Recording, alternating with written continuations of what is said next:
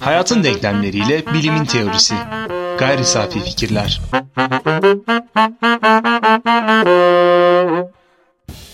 Düşünce düzleminde bazı noktalar var ki biz bu noktaları birbirine çok yakın iki nokta olarak da zıttı durumda da algılayabiliyoruz.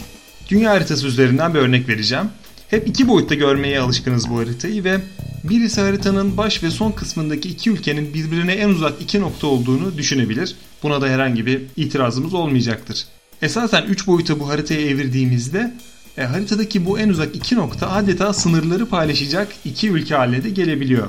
Gayri safi fikirlerde kimi zaman bilinçli, kimi zaman da bilinçsiz olarak iki ya da birden fazla kavramı farklı düzlemlerde yakınlıkları ve uzaklıkları ile ele alıyoruz. Çoğu zaman da yalnız başına bu kavramları görmeye çalışıyoruz. Zira bir kavramı onun zıttıyla tanımlarsak zıttını da aynı şekilde tanımlayabiliriz. Bu da fasit daire gibi tanımsız bir noktaya bizi götürecektir. Bilgi ve inanç dini olarak değil, dünyevi ya da maddesel de olabilir. Birbirlerini dışarıda bırakarak tanımlandıklarında tam olarak anlamlarını o noktada kazanır. Şöyle soralım. Bir şeye inandığımızda o şey eğer doğru çıkarsa bu inancımızı doğrulayan bir durum mudur? Yani bu bizim o konuda bilgiye sahip olduğumuzu gösterir mi? Bu soru bilgi ve inanç kavramları üzerine varsayımlarımız ve veya önermelerimizle şekilleniyor. Ne diyoruz, ne anlıyoruz sorusuyla ilk tuğlayı yine koyalım. Bilmekle inanmak arasındaki fark nedir ve gördüklerimizin dahi illüzyon olabileceğine dair düşünce yumakları mevcutken zihnimizde bizden menkul bazı fikirlere sarılmak bu kadar kolay mı? Ee, kökenlere dönelim istersen. Kökenlerde zaten Platon'la beraber e, bilgi nasıl tanımlanıyor diye baktığımızda gerekçelendirilmiş doğru sanı ya da kanı olarak e, tanımlandığını görüyoruz. E, söylediğin şey doğru. İnanç sözcüğü aynı şeyi tabii karşılıyor ama içindeki o kavram yorulması ve kavram genişlemesiyle beraber İnanç biraz daha geniş bir kavram gibi algılanabilir. Aslında buna sanılar diyebiliriz. Peki sanı dediğimizde tam olarak neyi kastediyor? Nasıl bir fark olabilir? Yani günlük yaşamımızda sanıyorum ki diye başlayan herhangi bir cümlede ne kastediyorsak aslında sanmak veya sanıdı tam olarak o. Yani Wittgenstein'ın dediği gibi bir sözcüğün ne anlama geldiğini öğrenmek istiyorsanız düşünmeyin, kullanılışına bakın veya doğrudan kullanın o zaman anlarsınız diyecektir. İşte sanı veya kanı da bu anlama gelmektedir gelmekte. Peki sanıyla bilgi nerede ayrılıyor veya Platon'un e, tanımladığı şekliyle gerekçelendirilmiş doğru sanı olarak bilgi ne anlama geliyor? E, tabii burada yine e, tanımın içerisinde biraz yolculuk yapmak bizim için açıklayıcı veya da anlamlandırıcı olacaktır. Gerekçelendirdiğimiz şey ne? Doğruluk nedir? Yani sanının hem doğru olması gerekiyor hem de bu sanının doğruluğunun gerekçelendirilebilir olması gerekiyor ki biz buna bilgi diyelim. Şimdi burada tabii ki e, bir sanının e, nasıl gerekçelendirilebileceği yönünde farklı yaklaşımlar var. Birincisi tamamen akli yolda yani aklımızı kullanarak mantık veya matematik e, üzerinden doğrulanabilirlik veya gerekçelendirilebilirlik savunuları varken bunlara rasyonalistler yani akılcılar diyoruz. Bir başka kanatta düşünce tarihi içerisinde kanıların veya sanıların ancak deneysel veya deneyimsel yolla doğrulanabilir veya doğruluklarının bunların doğruluğu öne sürüldüğü zaman bunların gerekçelendirilebilir olduğunu öne sürmüşlerdi. Bunlar da empiristler veya deneyiciler olarak geçiyordu. Ama önemli olan bize standart bir gerekçelendirme verecek yöntemi bulabilmek. İşte zaten e, düşünce tarihi boyunca, özellikle de bilim tarihi boyunca e, bilimsel yöntem arayışı veya yöntemini arayan düşünce işte böyle bir e, düşünsel seyahat geçirdi veya işte bu sorunun yanıtını aradı. Ama bu sorunun yanıtı aranırken bir kriter var mıydı? Yani dışarıda bulduğumuzu düşündüğümüz yani sanılarımızı gerekçelendirmenin standart bir yöntemini ararken bulduğumuz şeyin bir sanı olmayıp gerçek yöntem olduğunu bize söyleyebilecek bir e, kriter dışımızda var mıydı diye baktığımızda e, aslında vardı. Çünkü aslına bakarsak yöntemini arayan düşünce dediğimiz formülasyon içerisinde düşünce nasıl yöntem arıyor? Gerçekliğe uygun yani kendi dışında bulunan gerçekliği kavrayabilecek bir yöntem aradığı için aslında nihai kriter hep gerçekliğin kendisiydi. Böylece soru şuna evrildi. O gerçekliğe nasıl ulaşıyoruz? Dediğin doğru gördüğümüz yani algılarımıza konu olan e, şeyler bile veya bu görme biçimimizin kendisi bile e, bizi yanıltabilirken neyden emin olabiliriz diye sorduğumuzda aslında karşımıza şöyle bir gerçeklik çıkıyor. Evet e, duyumlarımız veya deneyimlerimiz bizi kimi zaman e, yanıltabilir. Yani bunlar kimi zaman bizim zihnimizde illüzyonlar yaratabilir ama her zaman değil. Yani deneyimlerin tutarlılığı bize aslında gerçeklik hakkında olduğu veya bu deneyimin gerçekliğin deneyimi olduğu noktasında tutarlı bir ölçüt veriyor ve bundan şüphe etmek için de rasyonel bir nedenimiz yok. Kaldı ki her bir gerçekliğe bu şekilde başvuru yani deneyimler üzerinden başvuru tekrar ve tekrar kendini ortaya koyabilir veya biz bunu ne zaman şüphe edersek tekrar sınayabiliriz. E böyle bir ortamda şüpheciliğin devam etmesi yani acaba gerçekten bir şey görüyor muyum ya da gerçekliği görüyor muyum veya onunla karşı karşıya mıyım yoksa bu tamamen bir illüzyon mu sorusunun yanıtında bir noktadan sonrası artık rasyonel olmaktan çıkıyor. Yani şöyle söyleyebiliriz. Ee, David Hume da bunu aşağı yukarı buna benzer bir şey söylemişti veya ona yöneltilen bazı eleştirilerde de bu dillendirilmişti. Evet, e, kağıt üzerinde veya teorik oyunlar içerisinde veya e, kullanılan diğer bir ifadeyle felsefi oyunlar içerisinde gerçekliğin bir illüzyondan ibaret olduğunu sürekli ve sürekli e, ortaya koyabilir. Hatta ikna edici olabiliriz. Ama teori bittiğinde, felsefe dersi sona erdiğinde veya bu oyundan artık sıkıldığımızda e, bir adım bile attığımızda biz gerçekliğin orada deneyimlediğimiz şekilde olduğunu varsayarak ve bu varsayımımızı da sürekli sınayıp yanılmadan yolumuza devam ediyoruz. Şöyle daha somut bir yerden bir örnek de verebiliriz. En e, uç noktadaki teorik şüpheci bile kahvesinden bir yudum aldı aldığında kendini zehirlemeyeceğine, o kahvenin hiçbir ortada sebep yokken, bir nedensellik bağı ortada yokken onu zehirleyecek bir şeye dönüşmediğine emin olarak güzel bir yudum almaktadır. O halde gerçeklik oradadır. Ee, şüphe etmek, Gerçeklik hakkındaki teorilerden, sanılardan şüphe etmek doğru ve bilimsel bir yöntemdir. Ama bunu gerçeklikten ve onun gerçekliğe ulaşılabilirlikten şüphe etmeye çevirirsek bir yudum kahve içmek bile mümkün olmayacaktır. Gerçeklik oradadır fakat gerçekliğin e, bilgi haline dönüştürülmüş halinden şüphe etmenin bir noktada da olsa anlamsızlığa bizi sürükleyeceğine katılsam da e, inançların bilgiye ulaşma noktasında yani sonuç olarak bir bilim insanı da olsak ortada bir inancımız vardır. Fizik üzerine de çalışıyor da olsak, kimya üzerine de çalışıyor olsak bizim bir inancımız, bir fikrimiz üzerine çalışmaya başlarız ve e, inançlar bilgiden farklı şekilde seyretse de bilgiyi yönettiği durumlarla da karşılaşıyoruz. Aslında bilgi direkt olarak yönetiyor ama olumsuz yönde yönettiği durumlarla da karşılaşabiliyoruz. Bu da aslında bilginin daha doğrusu örneklemin seçildiği durumlar. Sonuç olarak e, bir inancım var, araştırma yapacağım ve bu inancımı araştırırken fikrimi doğrulayacak örnekler üzerine de gidebilirim. E, bu da aslında oluşturduğum bilginin doğruluğundan bir manada şüphe duyulmasını gerektiriyor. Bu ütopik ve mantık dışı görünebilir. Mantık dışı kısmına katılıyorum fakat o kadar da ütopik değil. Bilim insanı, öğrenci, gazeteci her kim olursak olalım bilginin üreticisiysek ki herkes bilginin bir anlamda üreticisidir. İnancımızı doğrulamak amacıyla bilgi üretiriz. Bu da bir başarı amacıdır. Kimse başarısız olmak için yola çıkmaz e, verilerin de özellikle seçilebileceği bir ortam varsa ki bu sosyal bilimlerde e, çok yaygındır. İstediğim sonuca ulaşabilecek olmam çok da zor olmayacaktır. Ne alakası var diyecek olanlar olabilir. Bin kişi üzerinde bilim kurgu romanları ilgi çekici midir diye bir araştırma yapacağım. Ve benim ulaşmak istediğim sonuç bilgi bilim kurgu romanları asla ilgi çekici değildir olsun ve ben bunu sosyolojik tezde kullanacak olayım. Burada seçeceğim kitle aslında benim elimde. Rastsal olarak da seçebilirim. E, direkt olarak belli bir profilde beni destekleyebilecek insanları da kriterlere uydurarak seçim yapabilirim.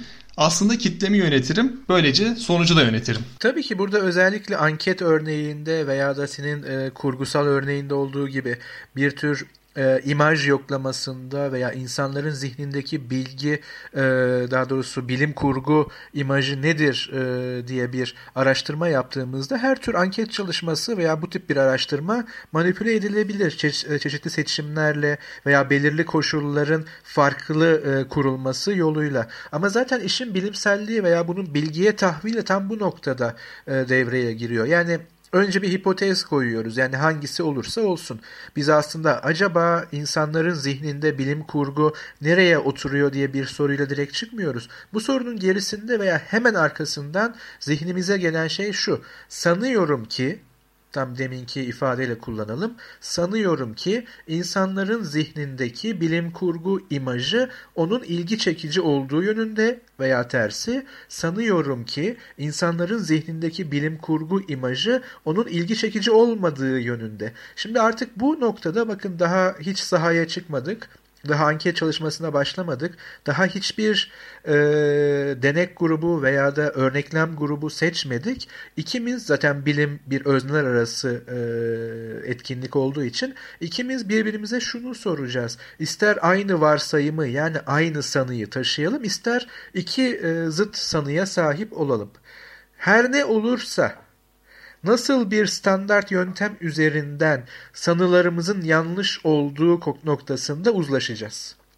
Şimdi zaten bu standart yöntemi daha baştan belirlememiz gerekiyor. İşte bu standart yöntem arayışında örneğin örneklem grubunun rastgele dağıtılması veya kontrol gruplarının oluşturulması gibi daha incelikli anket uygulamaları veya sınama uygulamalarına zaten ikimiz de ulaşacağız. Ve bu ulaşma noktasında herhangi bir metodoloji veya sosyal bilimler alanında anket uygulama dersi almamıza gerek yok. Eğer aramızda rasyonel bir diyalog varsa ve tek amacımız sanılarımızı sınamaksa yani onlardan birinin e, bilgi olup olmadığını veya bilgi üretme potansiyelinin olup olmadığını sınamaksa zaten biz buna kendimizde ulaşacağız. Standart bir yöntem üzerinde uzlaştıktan sonra gerçekliğin kendisine gideceğiz. Yani o insanların zihnindeki bilgi, e, bilim kurgu imajının ne olduğu sorusunu en iyi, en net şekilde koyabilecek sorularla örgütlenmiş veya kurulmuş veya örülmüş bir anketi belirlediğimiz standart yöntem yani ikimizi de bağlayacak ve ikimizi tatmin edecek bir yöntemle uygulayacağız ve sonucunda hangimizin sanısı boşa çıkıyorsa ikimizinki de çıkabilir. Burada üçüncü bir ihtimal yok gibi görünse de belki de olabilir. Gerçekliği hafife almamak lazım.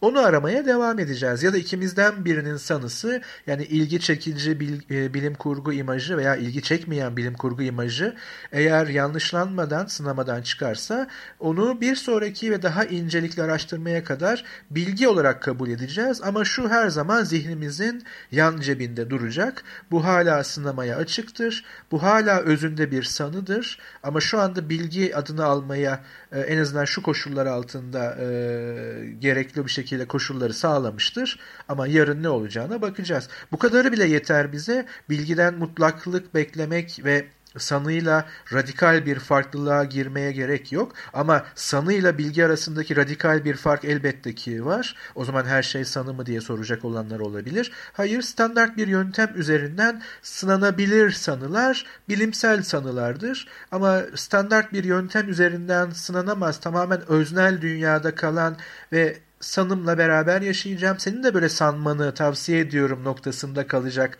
Çok karikatürize ettim tabii ki. Bir sanı da öznel fikirlerden bahsediyor olacağız sadece. Bir bilimsellikten değil. Ve oradan bilgi beklemek de beyhude olacaktır. Tam da mutlaklık arayışı ve sanıların gerçek oluşu ya da e, gerçeklerin bizim sanımıza uyuşu ile ilgili gerçek inanç ve gerçekliğin aslında haman olduğu dünyayı kapsayan bir alıntı var. Bu alıntı da bir Amerikan filozof tarafından, Roderick Chisholm tarafından. Bu alıntıya göre Roderick Chisholm der ki bir alana, bir çayırlığa bakıyoruz ve orada bir kuzu gördüğümüzü düşünüyoruz. Orada beyaz bir e, görüntü var ve biz bunun kuzu olduğunu hükmediyoruz. E, biraz daha yaklaştığımızda ya da bir diğer gözlemci bize bunun köpek olduğunu söylüyor. Fakat tam bizim görüş açımızın dışında e, o yamaçlarda aslında bir de kuzu olduğu bize söyleniyor. Yani aslında biz o kuzuyu görmesek de orada kuzu var diyerek bir gerçeği ortaya çıkarmış oluyoruz. Burada hem haklı hem de haklı olmadığımız bir durum var. İnancımızla gerekçelendirdiğimiz bir fikir var. Fakat haklı olmamızın sebebi inancımızın doğru çıkması değil, tamamen şans. Bazı keşiflerde elbette ki şansın da yaver gittiği veya desteklediği durumlar vardır. Bazı keşiflerde e, istenmeyen veya beklenilmeyen yan etkiler veya semptomlar olarak da ortaya çıkabilir. Bunda bir sıkıntı yok. Ama tabii ki o verilen örneği şöyle bir netleştirmek gerekir. Buradaki belirsizlik insanın kafasını karıştırıp acaba sanılar farklılaşabilir mi veya da gerçekliğe tekabül eden sanılar sadece şans eseri midir veya büyük bir kısmı en azından şans eseri midir gibi bir soru akla gelebilir. Ama e, yine aynı şekilde en başta iki tane sanımız olduğunu düşünelim. Sen bana diyorsun ki sanırım orada bir kuzu görüyorum. Ben de diyorum ki sanırım orada bir köpek görüyorum. Şimdi başta daha bunu sınamaya yola çıkmadan önce şu netleşmemiz lazım. Kuzu derken neyi kastediyorsun? Köpek derken neyi kastediyorum? Şimdi ikisinin de görsel e, imajları vesaire veya bunu nasıl sınanabileceği gördüğümüz şeyin, nesnenin veya hayvanın hangisinin hangi kategori, hangi tür, hangi cins altına gireceği konusunda uzlaştıktan sonra biz gerçekliğe bakacağız. Ve aslına bakarsan ikimizden biri eğer üçüncü bir olasılık yoksa haklı olacak. Yani bir diğeri yanlışlanacak. Ama orada bizim görüş alanımıza girmeyen ama bizim daha önce kuzu olarak kategorize, kategorize ettiğimiz bir hayvan başka bir yerde karşımıza çıkarsa bu bizim ilk sanılarımızın konusu değil. İlk sanılarımızla yola çıktığımız araştırmanın tali bir sonucu olarak bir yerlerde kuzu bulmuş olacağız. Dolayısıyla aslında o farklı bir araştırma olacak ve oradan sonra da devam edecek. Buradaki en büyük problem aslında bilimselliğin e, elden çok net duramadığı veya elden kayıp gittiği nokta sanılarımızı netleştirememek veya onda belirsiz olmak. Zaten sanıların özelliği bu. Belirli hale geldikçe sınanabilir hale gelir. Yani gerçeklikle yüzleştirilebilir hale gelir ve gerçeklik muhakkak ki sanılara cevap verir. Karl Popper'a yani aramızdaki üçüncünün sözüyle çoğu zaman yüksek sesle hayır der, çok az zamanlarda da kısık sesle evet der.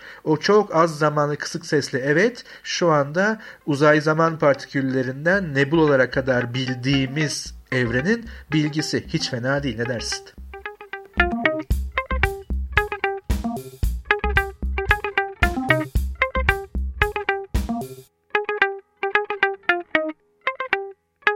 Bilgiyi bilimsel kanallarla doğrulanmış inanç olarak basitleştirirsek buna dur diyecek birisi olacak ve o da Karl Popper. Çünkü onun koyduğu ayraç bizi çok farklı bir yere ve çok farklı yöntemsel bir çerçeveye götürüyor. O da yanlışlanabilirlik. Evet aslında e, Karl Popper oyunun kuralını o kadar değiştirdi ki kendi modellemesi hatta genel olarak bilim modellemelerinin de birer hipotez yani sanı olduğunu ortaya koydu ve bunların da sınanması gerektiğini yani gerçek bilimle karşılaştırıldığı zaman ancak sınanmış bir şekilde bu modellemenin bilime uygun olduğunu söyleyebileceğimizi ortaya koydu. Hatta o derece ki kendi modellemesinin bile eğer gerçek bilime uymuyorsa yanlışlanmış yanlış kabul edilip e, bir kenara bırakılması gerektiğini söyleyecek kadar da e, bu işi genişletti. Yani oyunun kuralını değiştirdi. Peki değişen neydi? Şimdi ona kadar gelirken tabii ki bu problem gündemdeydi. Özellikle 19. yüzyıl ve sonrasında pozitivizmle beraber bilimin ayırt edici bir etkinlik olduğu ve hatta sonu bilgiyle biten tek insani girişim ve araştırma biçimi olduğu çoktan bilinç seviyesine gelmişti. Peki bilime bu e, ayrıcalığı veren veya onu bu kadar e, ayrı bir yerde ve başarılı kılan nedir sorusu aslında 19. yüzyılda gündeme gelmiş bir soruydu ve buna verilen yanıttı. Hepimizin aklına geldiği gibi kanıtlanabilir bilgi, e, doğrulanabilir bilgi ürettiği için veya yöntemleri buna izin verdiği için veya gerçeklikle bu şekilde ilişki kurduğu için şeklindeydi. Yani bilimsel bilgi ta Platon'dan gelen episteme anlayışına uygun bir biçimde doğrulanabilir bir şeydi. Oysa Popper şunu fark etti. Gerçek bilim etkinliği pek de öyle çalışmıyor. Yani her yerde doğrulanan şeyler aranarak bir e, hipotez veya bir teori veya da bir sanı günlük kullanımıyla doğrulandığı için bilimsel kabul edilmiyor. Çünkü o gerçek bilim neredeydi Popper'ın baktığı? Tam da 1900'lü yılların başından itibaren yaşanan o fizikteki ikinci büyük devrim yani Einstein devriminin dönemiydi. Ama öyle bir dönemdi ki aslında ortada bilimsellik iddiasıyla çok büyük teoriler veya hipotezler veya yaklaşımlar dönmekteydi veya tedavüle çıkmaktaydı. Popper etrafına baktığında şunu görüyordu.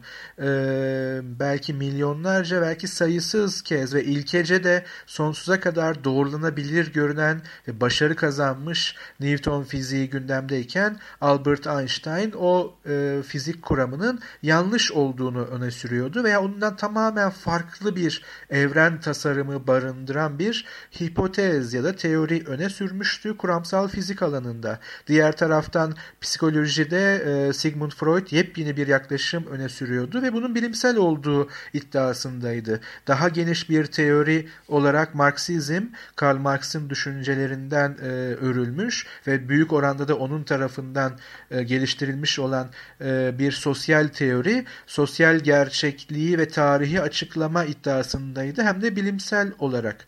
Ve e, Karl Popper'ın sorusu şuydu. Bunlar içinde sadece Albert Einstein'ınki neredeyse şüpheye yer bırakmayacak kadar bilimsel olduğunu gösterebiliyor. Ve hem de tarihin gelmiş geçmiş en fazla doğrulanmış ve doğrulanabilecek kuramını çürüterek bunu yapıyor. Aradaki fark nedir? Yani gerçek bilimde nasıl bir standart işlemektedir? Onu ayıran şey nedir diye sorduğunda e, ortaya yeni bir problem adıyla beraber yeni bir problem çıkmaktaydı. Bu problemin adı da sınırlandırma ayracı problemiydi. Yani bilimin sınırı nereden geçmektedir? Yani aradığımız şey kavramsal bir turnusol kağıdıydı. Kimyayı, kimya eğitimi almış veya kimyayla fen bilgisi düzeyinde de olsa tanışıklığı olan bütün dinleyiciler hemen hatırlayacaktır. Turnusol öyle bir maddedir ki asitle baza dokundurulması yeterlidir. Bu dokundurulan maddenin asit mi baz mı olduğunu hemen ayırt edebilir renk değişimine bağlı olarak. Karl Popper'ın aradığı da böyle bir şeydi. Acaba teori teoriler veya teori görünümlü bilimsellik iddiasındaki e, söylemlere kuramsal bir kriter uyguladığımızda onun bilimsel olup olmadığını ortaya çıkarabilmek mümkün müdür? Bu ayracı aktif, edimsel, başarı kazanmış bilimsellikten üretme iddiasındaydı. Evet bu mümkündür dedi. Çünkü Einstein'da farklı olan şey şuydu. Sınanabilir bir şeydi yani gerekçelendirilebilir bir sanı yani hipotezdi. Ama bu gerekçelendirilebilirliği doğrulanabilirlik üzerinden değil yanlışlanabilirlik üzerinden kurmaktaydı. Çünkü Einstein kabaca şunu söylüyordu. Büyük bir kütlenin yanından geçen ışık e, fotonu eğer bükülmüyorsa ki onun hipotezine göre bükülmeliydi. Yani günlük dile ve deminki söyleşimizin diline tercüme edersek Einstein şunu söylüyordu. Sanıyorum ki uzay zamanın yapısı gereği büyük kütleler uzay zamanı büker. Yani kütle çekimi uzay zamanı büker hatta bunun sonucudur. Büyük kütlenin yanından geçen bir ışık fotonu da bu bükülmeden kaçamaz ve belli bir bükülmeye uğrar. Ve sanıyorum ki bizim güneşimizin yanından geçecek bir ışık fotonu da yani bir yıldız ışığı da aynı şekilde hesaplanabilir ve ölçülebilir bir bükülmeye uğramaktadır. Şimdi o zaman ortada şöyle bir şey vardı. Eğer bu sanım yanlışsa hipotezim yani genel sanımda yanlıştır. Amiyane tabirle çöpe atabilirsiniz. Bu ölçülebilirdi ve yanlışlanabilir tek bir örnek üzerine odaklanmaktaydı ve bize kuramın sahibi yani sanının hipotezin sahibi nasıl yanlışlayacağımızı da söylüyordu. İşte bilim bundan başka bir şey değil dedi. Oysa diğer bilimsel olma iddiasındaki girişimlerde sürekli o hipotezi nasıl doğrulayacağımızın yöntemleri açılmaktaydı ve doğrulamak için aradığımızda biraz önceki soruda senin de değindiğin gibi iyi niyetle veya kötü niyetle her yerde doğrulayıcı e, veriler bulmak mümkündür. Peki şu sorunun cevabı bunun içinde gizli midir? Ne kadar veri doğrulama e, üzerine kullanıldığında bizi tatmin edecektir? Yani 1 milyon doğrulayıcı veri, 1 milyon birinci doğrulayıcı veriyi zorunlu kılmadığı için mantıksal olarak buna tümevarın problemi denmekteydi e, kaç tane daha deney yapmamız gerekir? Eğer 10 milyon e, olanaklı deney veya da veri varsa kaçıncıdan sonra vazgeçip hayır bu teori doğru demeye başlayacağız veya sanımız kuvvetlenecek. Oysa Einstein örneğinde gördüğümüz gibi aslında Newton da bu mantıkla çalışıyordu elbette. Ee, bilimde gördüğümüz gibi diye genelleştirelim.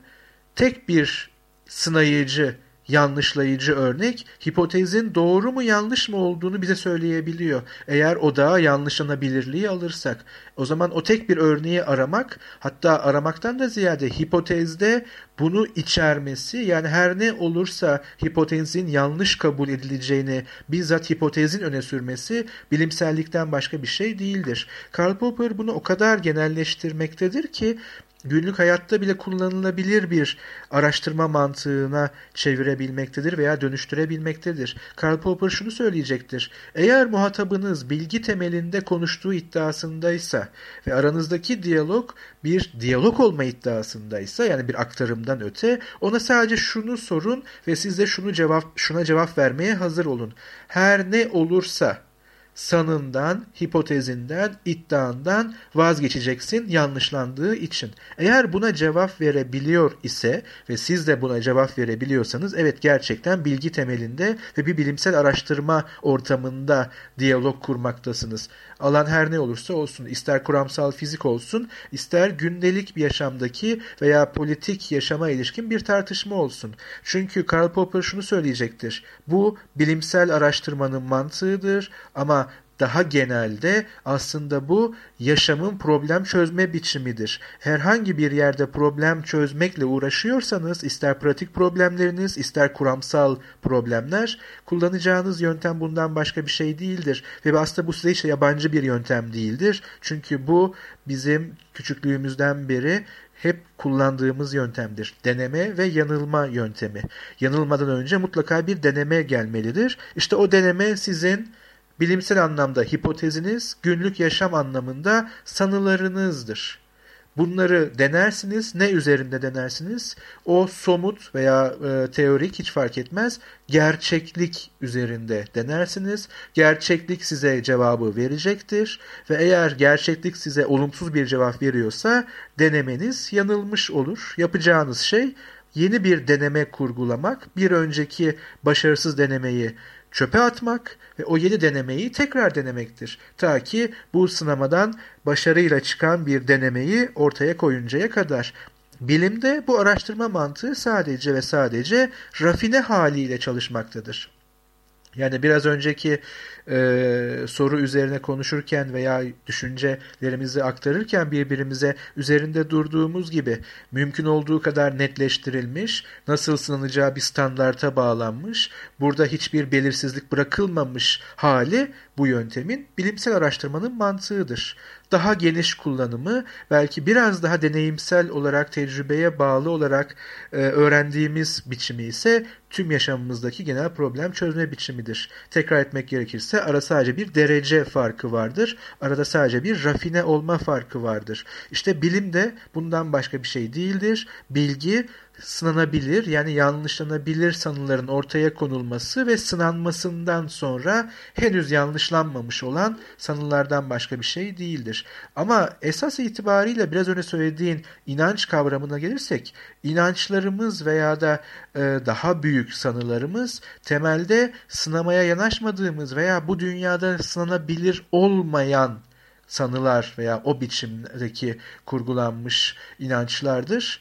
Ee, bunların yeri belki insan psikolojisinde veya insan yaşamında ayrı bir yer olsa da buna bilgi demek için elimize bir gerekçe yok. Çünkü onu bilgi kılacak bir standart araştırma mantığının parçası değiller.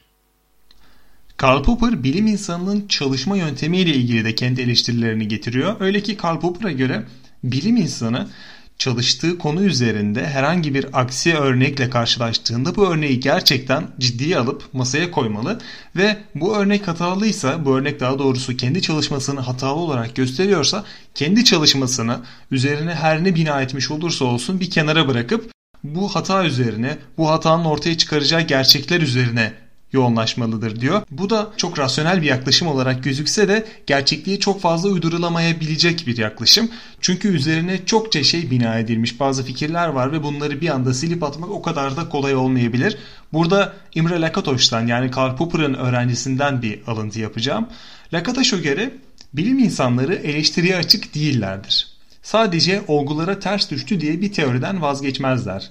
Genellikle ya sonradan bir anomali diye adlandıracakları şeyi açıklamak için kurtarıcı yani ad hoc bir hipotez oluştururlar ya da anomaliyi açıklayamıyorlarsa onu göz ardı ederler ve dikkatlerini başka problemlere çevirirler. Bilim insanlarının anomalilerden, aykırı örneklerden söz ettikleri fakat yanlışlamalardan söz etmedikleri not edilmelidir. Şüphesiz bilim tarihi kritik deneylerin teorileri nasıl çürüttüğüne dair hikayelerle doludur.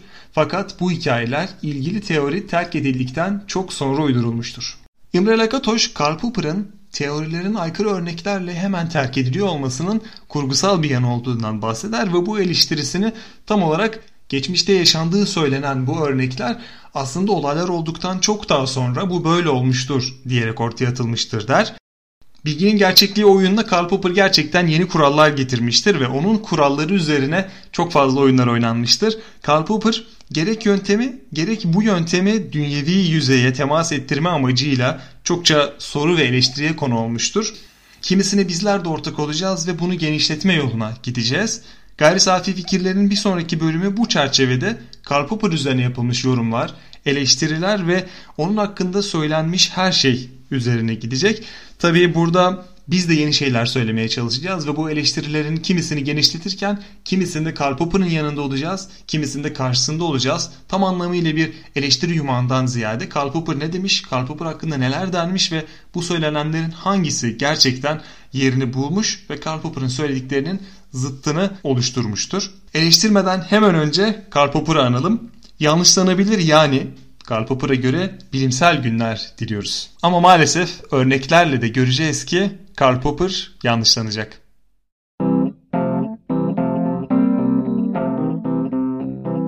Hayatın denklemleriyle bilimin teorisi. Gayri safi fikirler.